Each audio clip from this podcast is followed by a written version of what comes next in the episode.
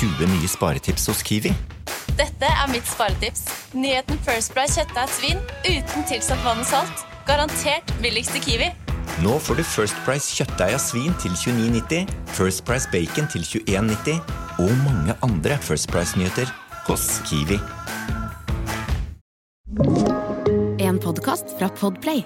I over 30 år er jeg blitt sendt verden rundt som utenriksreporter. Ofte der krig og katastrofer har rammet hardt. Jeg har havnet tett på, noen ganger litt for tett på. Dette er noen av mine historier. Dette er noe av det jeg har sett og opplevd på nært hold. Jeg heter Fredrik Gressvik, og dette er podkasten Med egne øyne.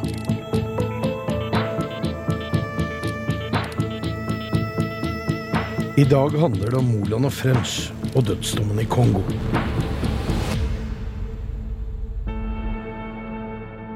De to dødsdømte norske fangene Kjostol Moland og Joshua French satte seg til rette på plaststolene foran meg. Det var 16. oktober 2009, og vi var inne på cella som de to delte i sentralfengselet Kisangani. Et spartansk murrom i det store teglsteinsbygget som belgierne hadde ført opp nesten 100 år tidligere for å sperre inne kjeltringer og drapsmenn. Bak meg sto TV 2s fotograf Frode Hoff, fangenes advokat Morten Furuholmen og fengselsdirektøren selv. Hvor lang tid vi fikk, ante jeg ikke. Det var første gang direktøren hadde tillatt et TV-kamera bak murene. Bak fangene mot den soppelagte, mugne murveggen lå to madrasser med myggnetting over. Kjostol viste stolt fram sine nyeste kunstverk. Skrablerier og tegninger med kullbiter på celleveggene. Towards the abyss, mot avgrunnen, sto det ett sted. På motsatt vegg Stanleyville Club. Stanleyville var som kjent det gamle navnet på byen, før innbyggerne kvittet seg med så mye av minnene om de grusomme belgiske koloniherrene som mulig. For hver dag de hadde overlevd siden dødsdommen, var det en strek. Det skulle bli mange flere. Var Kjostov litt annerledes? Litt blank i pannen? Flakken i blikket? Hvorfor dro dere til Kongo, spurte jeg. Kjostov svarte på inn- og utpust. Om hvor dumme de hadde vært, og at de ikke hadde forstått noen ting. Han lo og gråt om hverandre. Tårene rant nedover kinnene hans mens han bedyret sin uskyld. Vi er definitivt ikke A4, men vi har ikke gjort noe galt, sa den unge mannen fra Vegårshei. På et vis er vi jo helt sinnssyke. Joshua stirret forundret på kameraten. Kjostol fortalte om flukten alene gjennom den tette jungelen etter at Joshua var tatt, og at han var sikker på at han kom til å bli tilgitt og frigitt. Intervjuet jeg en mann som var i ferd med å gå fra vettet. Kjostol Moland var hardt rammet av malaria. Kombinert med det vanvittige presset det må være å bli dømt til døden, hadde det blitt for mye. Kjostol skulle aldri bli helt seg selv igjen. Dette er historien om eventyrerne Moland og French.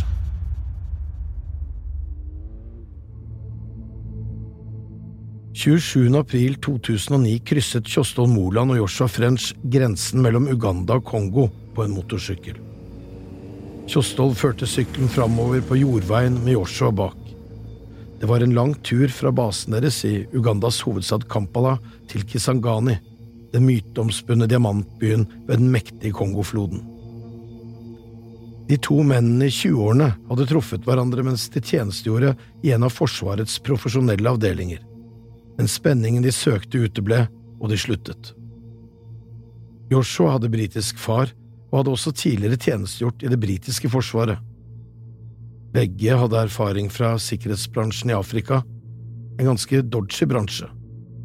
Blant annet hadde de vært hyret inn som væpnede vakter på skip i farvannet utenfor Afrikas Horn. 600-kubikkeren raste framover på den skrøpelige jordveien gjennom jungelen. Inne i bushen var det leoparder og ville elefanter, og alt det andre du ikke ønsker å få tett på kroppen, som kjøttetende maur og giftige slanger. Kjostolv hadde startet et sikkerhetsselskap med base i Kampala og hadde bedt Joshua bli med på laget. Ifølge dem selv skulle de på denne turen rekognosere for annet muligheten til å bringe velbeslåtte turister på spennende reiser inn i et område der farene alltid truet, i form av krigshandlinger, banditter og ville dyr. De hadde ikke stort med seg, men blant gjenstandene var en hagle. I bagen var også kniver, soveposer, telt, noen få skift, kompass og GPS. I lommene hadde de pass, og dessverre for dem Forsvarets ID-kort, til tross for at deres tid i det norske forsvaret var over. Luften var fuktig. Dette var regnskogen. De to var på vei inn i enda et kapittel av det store Afrika-eventyret. Inn til området som den kjente polsk-britiske forfatteren Joseph Conrad beskriver i sin legendariske og depressive roman Mørkets hjerte. En roman om sykdom, galskap og død. De trosset kraftig regnskyll og fortsatte på den gjørmete veien. Første natten overnattet de i teltet. Den neste tok de inn på et hotell i byen Mambasa, og den tredje søkte de ly hos skogvokterne i Okapi-parken. Okapiene så ut som fabeldyr, en slags ku med sebrastriper på bakkroppen og sjiraffaktige hoder. Underveis ble de to nordmennene forsøkt ranet av menn med macheter, men de kom seg unna. Like før ankomst Kisangani streiket sykkelen. 2. mai kom de til byen ved Kongofloden mens de skjøv motorsykkelen foran seg. De tok inn på Riviera hotell og drakk seg fulle. To hvite menn med hagle, falske ID-kort og en ødelagt motorsykkel i et av Afrikas mest voldelige land. Mye kunne gå galt. En mekaniker tok en kikk på motorsykkelen mens Joshua Kjostolv utforsket byen. Her hadde hvite koloniherrer herjet med lokalbefolkningen. Belgias kong Leopold la i 1895 beslag på Kongo, og med pervers råskap startet arbeidet med å tappe landet for naturressurser, som annet gummi. De lokale ble gjort til slaver. Mange av dem ble lemlestet og drept. Først i 1960 ga Belgia slipp på Kongo. Siden har en rekke borgerkriger og væpnede konflikter bidratt til ytterligere å ødelegge landet. Skepsisen til hvite var naturlig nok høy mange steder, kanskje spesielt i Kisangani. Kjostolv og Joshua fortalte meg senere at de i tillegg til ekstrem turisme vurderte mulighetene for å drive etterretningsvirksomhet i Kongo. Det var en farlig vei å gå. Sykkelen lot seg ikke reparere, og etter tre netter i Kisangani fikk de tilbud om skyss med seksbarnsfaren Abedika Songo. Han hadde en Toyota Landcruiser pickup med plass til sykkelen på planet. Kasongo tilbød dem transport til Mambasa 50 mil lenger øst. Det var i hvert fall et stykke på vei tilbake til Uganda. Sjåføren hadde med seg en hjelpemann, Kisimu Arajabo, på turen. I tillegg fikk en 27 år gammel smugler ved navn Kepo Pierre plass. Følget på fem la i vei østover. Kjostov og Joshua tok plass i førerhuset, de to andre på planet. Underveis drakk de to nordmennene en del øl. Det ble stadig lengre mellom klyngene av hytter langs veien. Rundt klokken 20 ble sjåføren bedt om å stanse, slik at Kjostov og Joshua kunne tisse. De stanset opp like ved milepælen som viste at de nå var 109 km fra Kisangani. Bilen gikk på tomgang med lysene rettet mot området der nordmennene sto. Det som så skjedde, vet egentlig bare de som var der. Mer eller mindre troverdige versjoner har blitt servert, og versjonene har endret seg. Joshua Kjostolvs første forklaring var at en gruppe væpnede menn angrep fra jungelen og skjøt mot bilen. Senere ble dette endret til en mer troverdig versjon, der det kanskje bare var snakk om at Kepo Pierre forsøkte å stikke av fra de norske mennene slik at de andre kunne dele hva det nå var de hadde i bagen. I alle fall skal sjåføren ifølge Kjostov og Joshuas forklaring ha blitt skutt.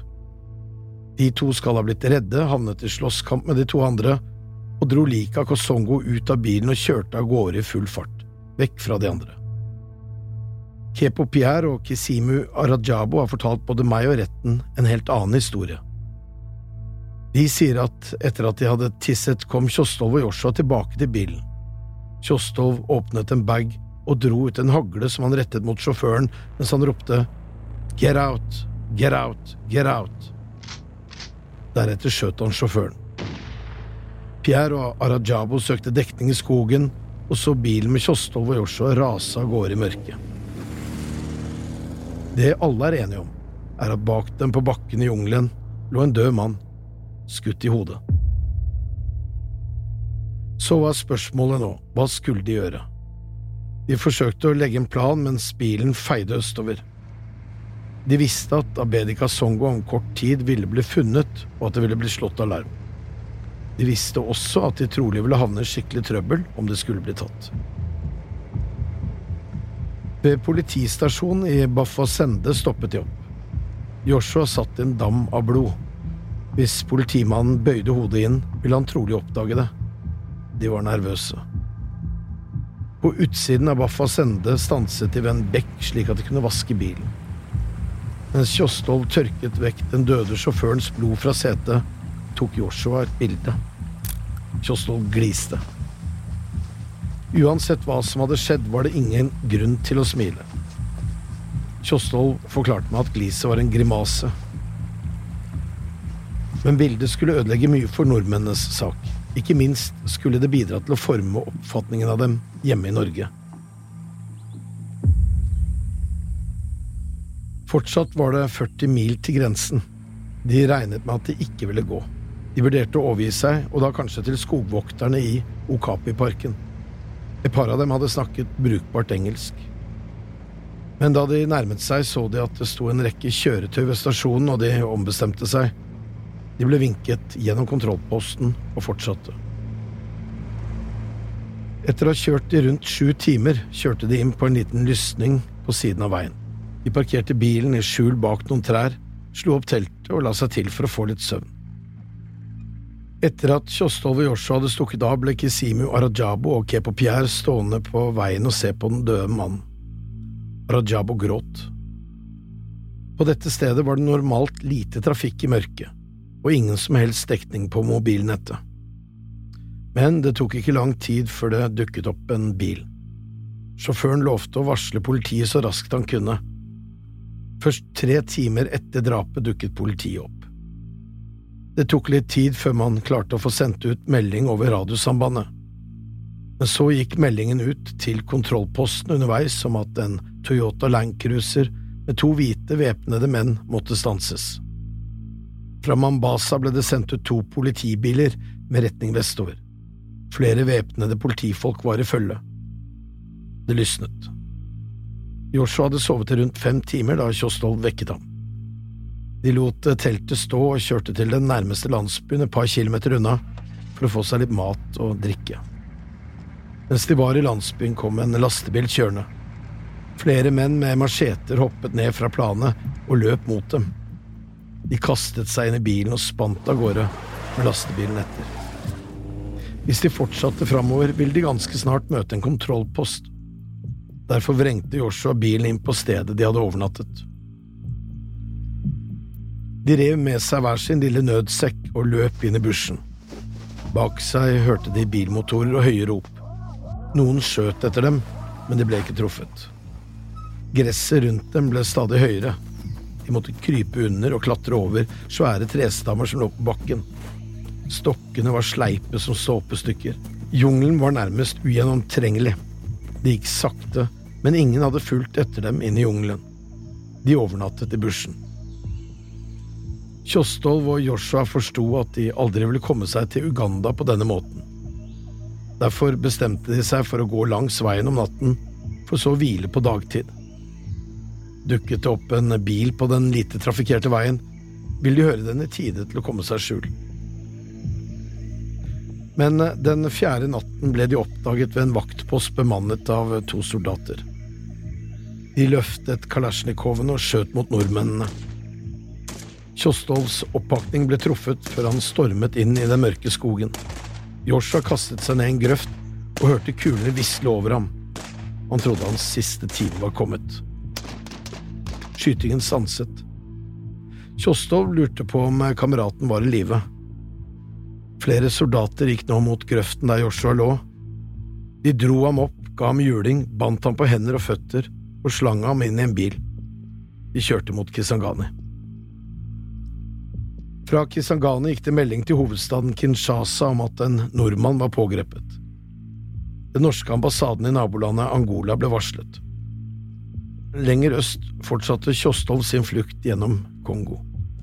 Om natten småløp han langs veien, på dagtid hvilte han.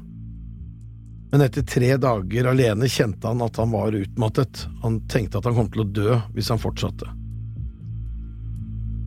Kjostolv var kommet til utkanten av Mambasa, og nå fikk han signal på telefonen. Han ringte en venn i Uganda som ba ham melde seg til politiet. Hvis ikke dør du, sa vennen. Så ringte han faren Knut, som allerede hadde blitt varslet via Utenriksdepartementet om at sønnen hadde havnet i alvorlig trøbbel. Knut Moland ba også Kjostolv om å melde seg til politiet. Han gikk inn i Mambasa der en mann viste ham veien til politistasjonen. Der ble han pågrepet og ført til Kisangani. Hjemme i Norge hadde bildene av en forslått Joshua French allerede kommet mediene i hende. Nå startet jakten på historien om hva som hadde skjedd. Flere mediehus satte store ressurser inn på å fortelle de beste historiene om Kjostol Moland og Joshua French. Jeg ble bedt om å skaffe meg visum til Kongo. Nesten tre og en halv måned etter at Abed Kasongo ble drept, startet rettssaker mot Kjosto Moland og Joshua French i Kisangani. 14. august 2009 ble de to paradert gjennom byens gater fra sentralfengselet og til militærtribunalet som ble satt i byens teatersal. Passende nok. Et stort antall soldater og politifolk fulgte de to sammenlenkede fangene som, i forakt for det de mente var en uverdig prosess, hadde nektet å klippe og barbere seg. De så ikke ut. Paradering av hvite mordere var ikke en hverdagskost i byen. Et stort antall skuelystne hadde samlet seg, både langs ruten og på plastsolene i teatersalen. Militære ordre ble skreket ut på fransk, og en fanfare ble spilt med signalhorn før tribunalets dommere kom inn. At saken ble ført for et militærtribunal, skyldtes tiltalens karakter. For Kjostov og Joshua sto nå tiltalt for langt mer enn å ha forårsaket Kasongos død. De skulle visstnok ha vært eh, sendt av den norske kongen til Kongo for å spionere og for å legge planer for et attentat mot landets president Josef Kabila. Det var ikke småtterier. Rettssaken foregikk på fransk, og fordi de tiltalte ikke skjønte språket, var en tolk tilkalt men tribunalets leder syntes dette med tolking tok altfor lang tid, og ba tolken om å være stille. Kjostolv og Joshua sa at de ikke anerkjente rettssaken, og fikk delvis støtte av sine oppnevnte kongolesiske advokater, som mente at den burde bli ført for en sivil domstol. Tribunalet trakk seg tilbake for å diskutere dette, men valgte å fortsette. De to tiltalte virket ved godt mot og fortalte oss journalister at de bare skulle bli ferdig med saken, slik at de kunne anke en dom og få gjennomført en ny sak i Kinshasa. De hadde håp om at systemet ville behandle dem annerledes der.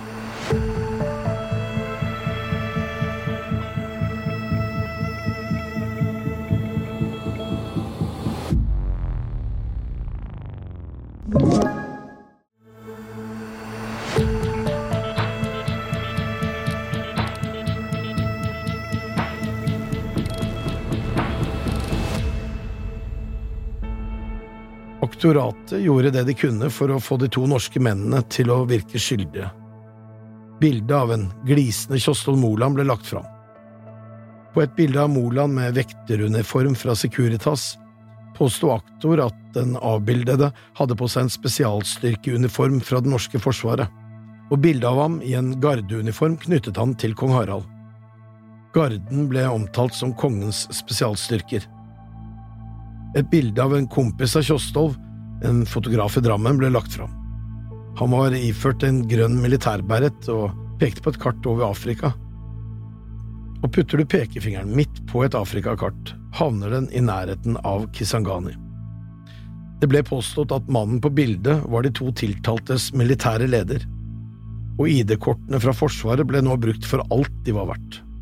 Som om spioner reiser rundt med dokumentasjon på at de er akkurat det, nemlig spioner. Det var mye vrøvl, en salig blanding av fakta og oppdiktede historier og motiver. Rett og slett et uverdig sirkus av en rettssak.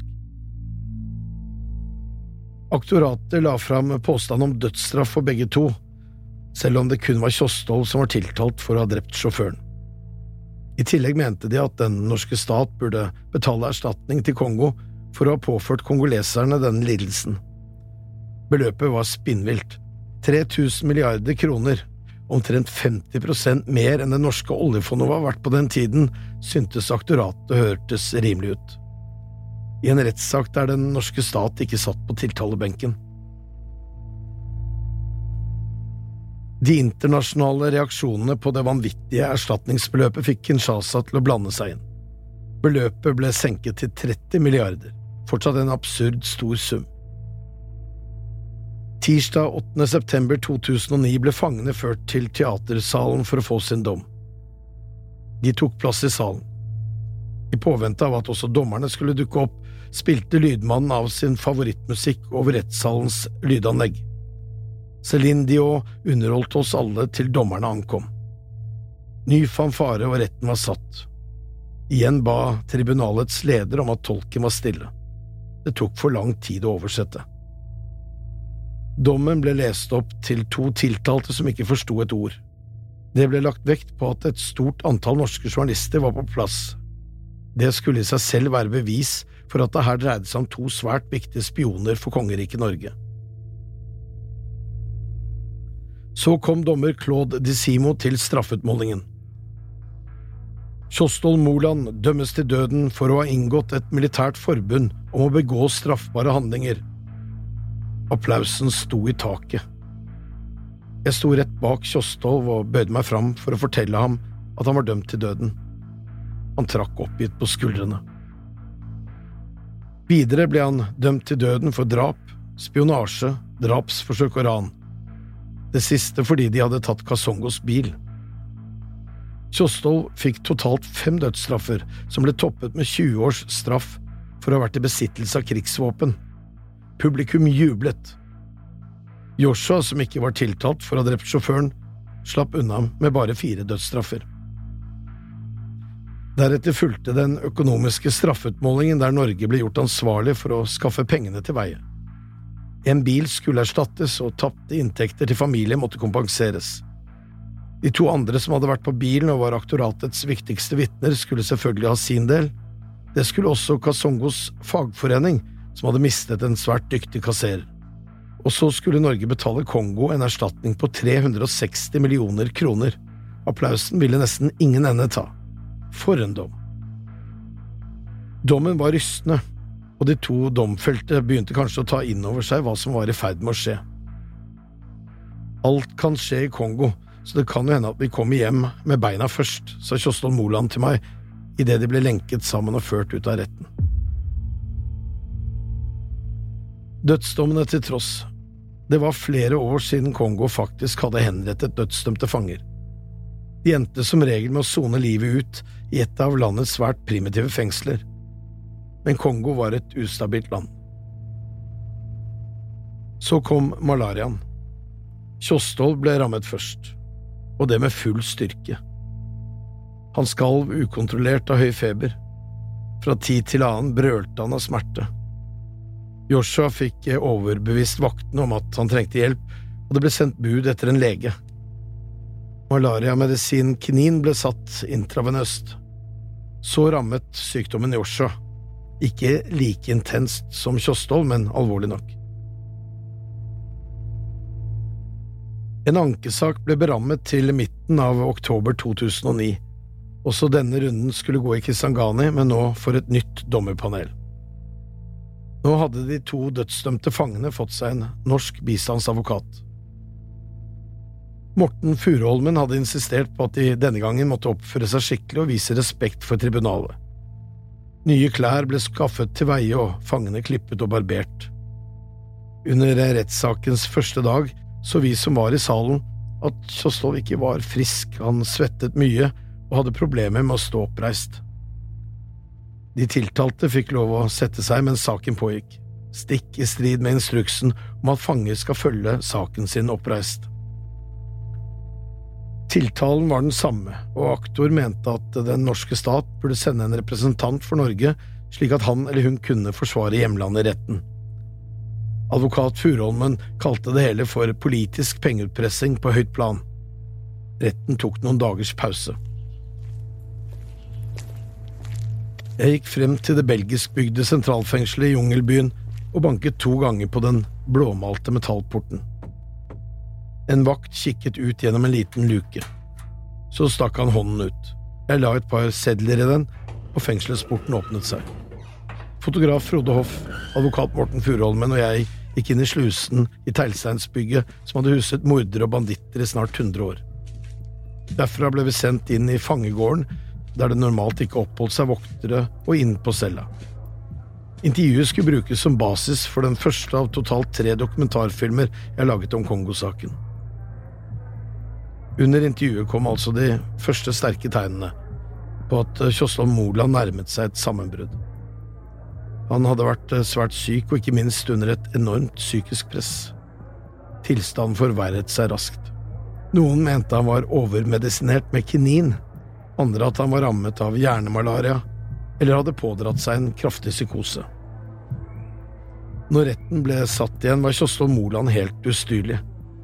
Han brølte gjentatte ganger, lo og gråt om hverandre, spyttet på, slo sin medtiltalte og reiste seg gjentatte ganger opp for å forlate rettssalen. På et tidspunkt forsøkte han å presse hele knyttneven inn i munnen. Dommerne beskyldte ham for spill. Publikum stirret med vantro på nordmannens bisarre oppførsel.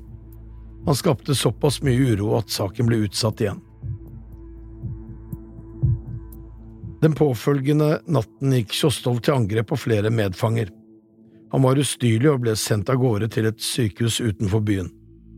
Tre leger skulle nå forsøke å finne ut om han virkelig var så syk som han framsto. Etter undersøkelsene var det tilbake til fengselet, men det ble bare verre.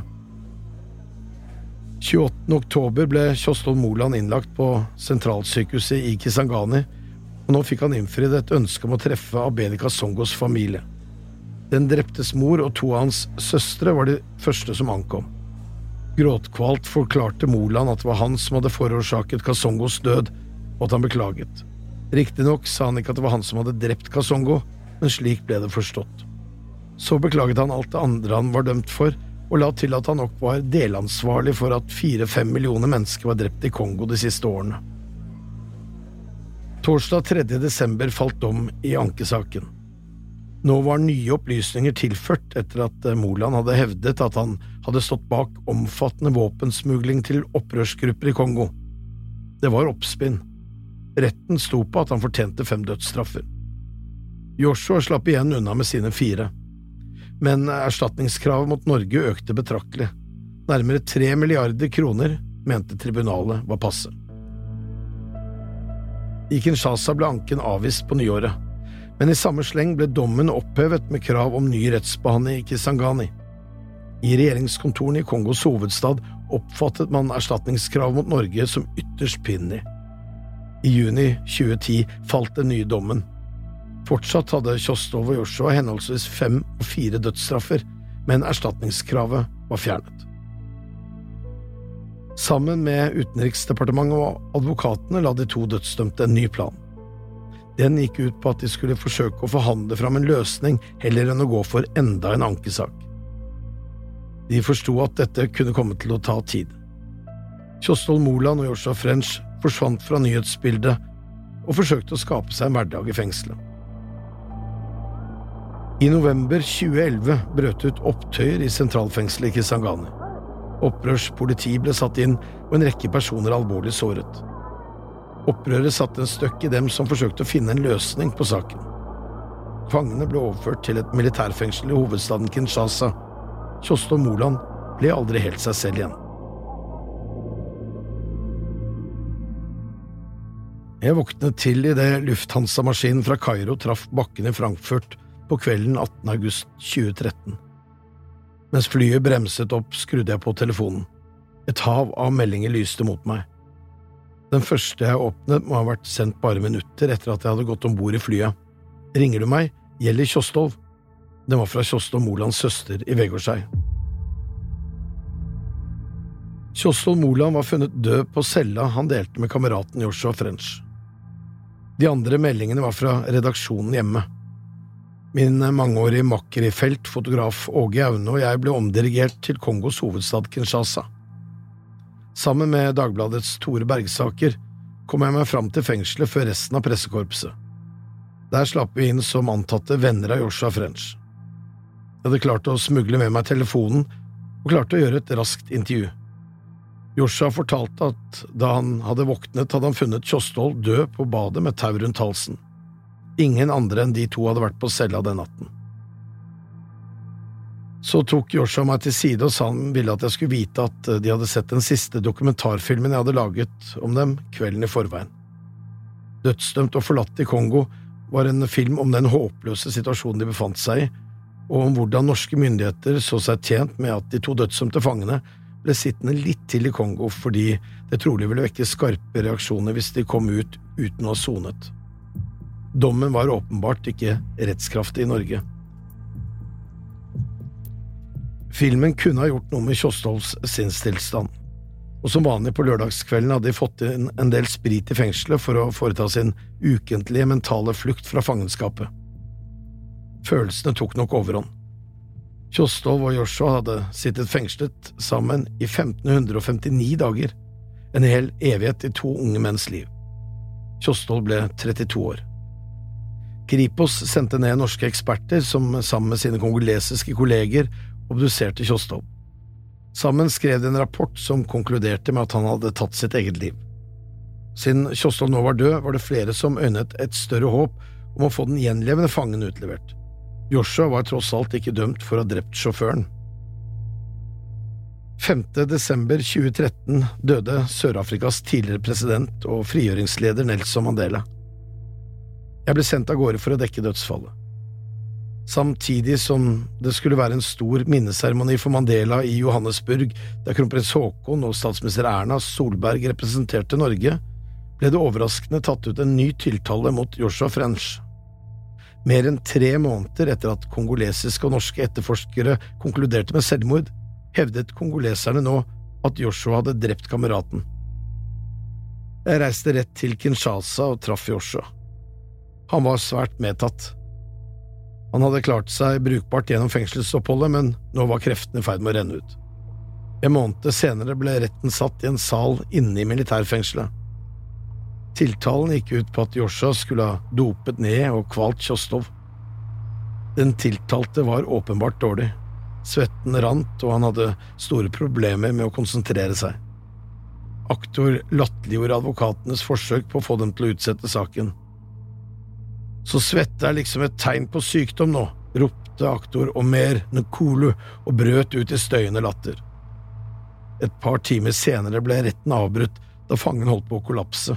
Han ble sendt til sykehus. Det var stor politisk uro i Kongo på denne tiden. Et opprør hadde blitt slått ned like før. En av kveldene jeg ba sjåføren min kjøre meg tilbake til hotellet etter et restaurantbesøk, kom to svære pickuper med soldater kjørende mot oss. En salve fra et automatvåpen traff muren til høyre for oss. Enda en byge gikk i bakken like ved bilen. En rasende kaptein hoppet ut av den ene bilen og lurte på hva i helvete vi drev med. Hvorfor skyter dere? spurte jeg, uforstående til alt bråket. Det er innført portforbud i denne delen av byen, og dere er under arrest, forklarte han bråkjekt. Etter litt eh, forhandlinger fram og tilbake fikk jeg et eh, tilbud om å bli trygt eskortert til hotellet mot et gebyr på 30 dollar. Jeg takket pent ja. Det var langt fra første gang væpnede offiserer hadde avkrevd meg et oppdiktet gebyr i Kongo. Men det er ikke alle man krangler med. Noen kaller det korrupsjon, jeg kaller det væpnet ran.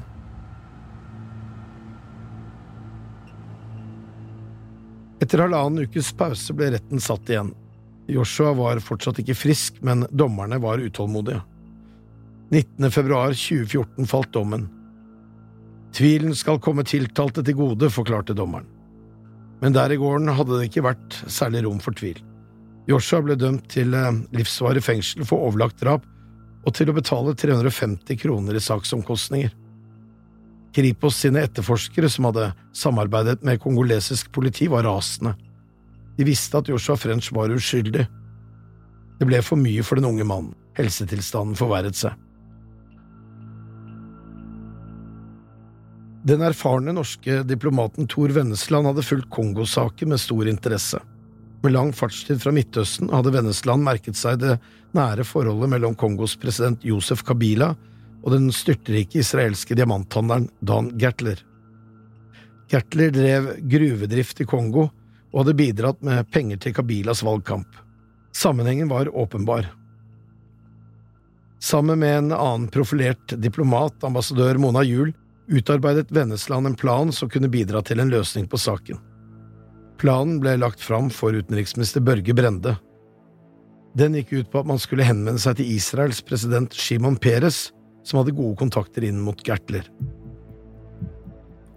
Under Verdens økonomiske forum i Davos i 2014 ble det arrangert et møte mellom Peres og Brende, om Peres kunne spørre Gertler om hjelp. Etter å ha fått tips om hvordan man så for seg en løsning, tok jeg kontakt med både Dan Gertler og hans nærmeste samarbeidspartner, den israelske advokaten Elis Dobronski. Sistnevnte hadde jobbet tett sammen med Shimon Peres på slutten av 50-tallet for å utvikle atomvåpen. Et av komponentene de trengte, var tungtvann. Det hadde Norge. Elis Dobronski ble nær venn med den tidligere norske motstandsmannen, forsvarsministeren og justisministeren Jens Christian Hauge. Gjennom Hauges selskap Noratom fikk Dobronski og Peres leveranser av tungtvann. Etter møtet med Brende kontaktet Shimon Peres Dan Gertler og Elis Dobronski og sa at det var på høy tid med en gjentjeneste til Norge, landet som hadde hjulpet dem med å utvikle atomvåpen. Peres spurte Gertler om han kunne få Kabila til å løslate Joshua French. Sommeren 2014 var Peres på statsbesøk i Norge. Mens han var kong Haralds gjest, var det flere som henvendte seg til ham og takket for at han forsøkte å hjelpe til i Kongo-saken. Gertler fulgte opp og tok med seg diplomat Tor Vennesland til Kongo, der han fikk treffe Kabila. Presidenten sa at saken var betent, men at han var innstilt på å finne en løsning for den norske fangen. Det ville nok ta noe tid, men i første omgang kunne han love at alt ville bli gjort for å holde French i live. Historien ble først kjent gjennom boka Dømt til døden i Kongo, som er skrevet i 2017. De erfarne norske diplomatene Kai Eide og Arild Øyen jobbet også med saken. De opprettet forbindelser tett på president Kabila for å få lagt mest mulig press på ham til å benåde Joshua French. Han var på sin side nå så dårlig at han slapp å sone i fengselet, men i stedet oppholdt seg i en villa sammen med sin mor Kari Hilde og et par fangevoktere. Kari Hilde French sitt utrettelige arbeid for sønnen gikk ikke upåaktet hen i Kongo. Mange hadde stor respekt for arbeidet hun la ned, og sommeren 2016 fikk hun treffe president Kabila og ba om nåde for sin sønn. Men høsten og vinteren gikk, og våren kom uten at noe hadde skjedd. Så, 14. mai 2017 fikk diplomat Arild Øyen beskjed om at kongoleserne var villige til å la Joshua French reise hjem til Norge for medisinsk behandling.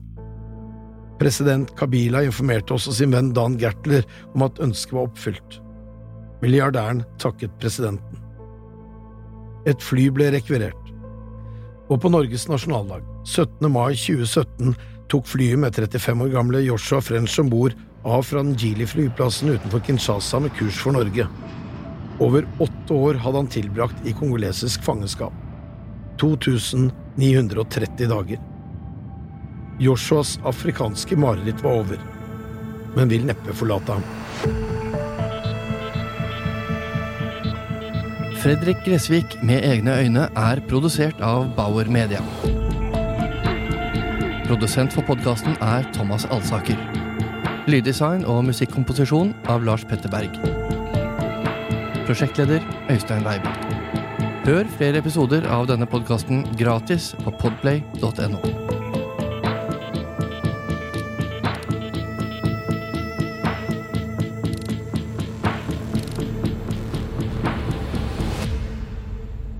Du har hørt en podkast fra Podplay. en enklere måte å høre podkast på. Last ned appen Podplay, eller se podplay.no.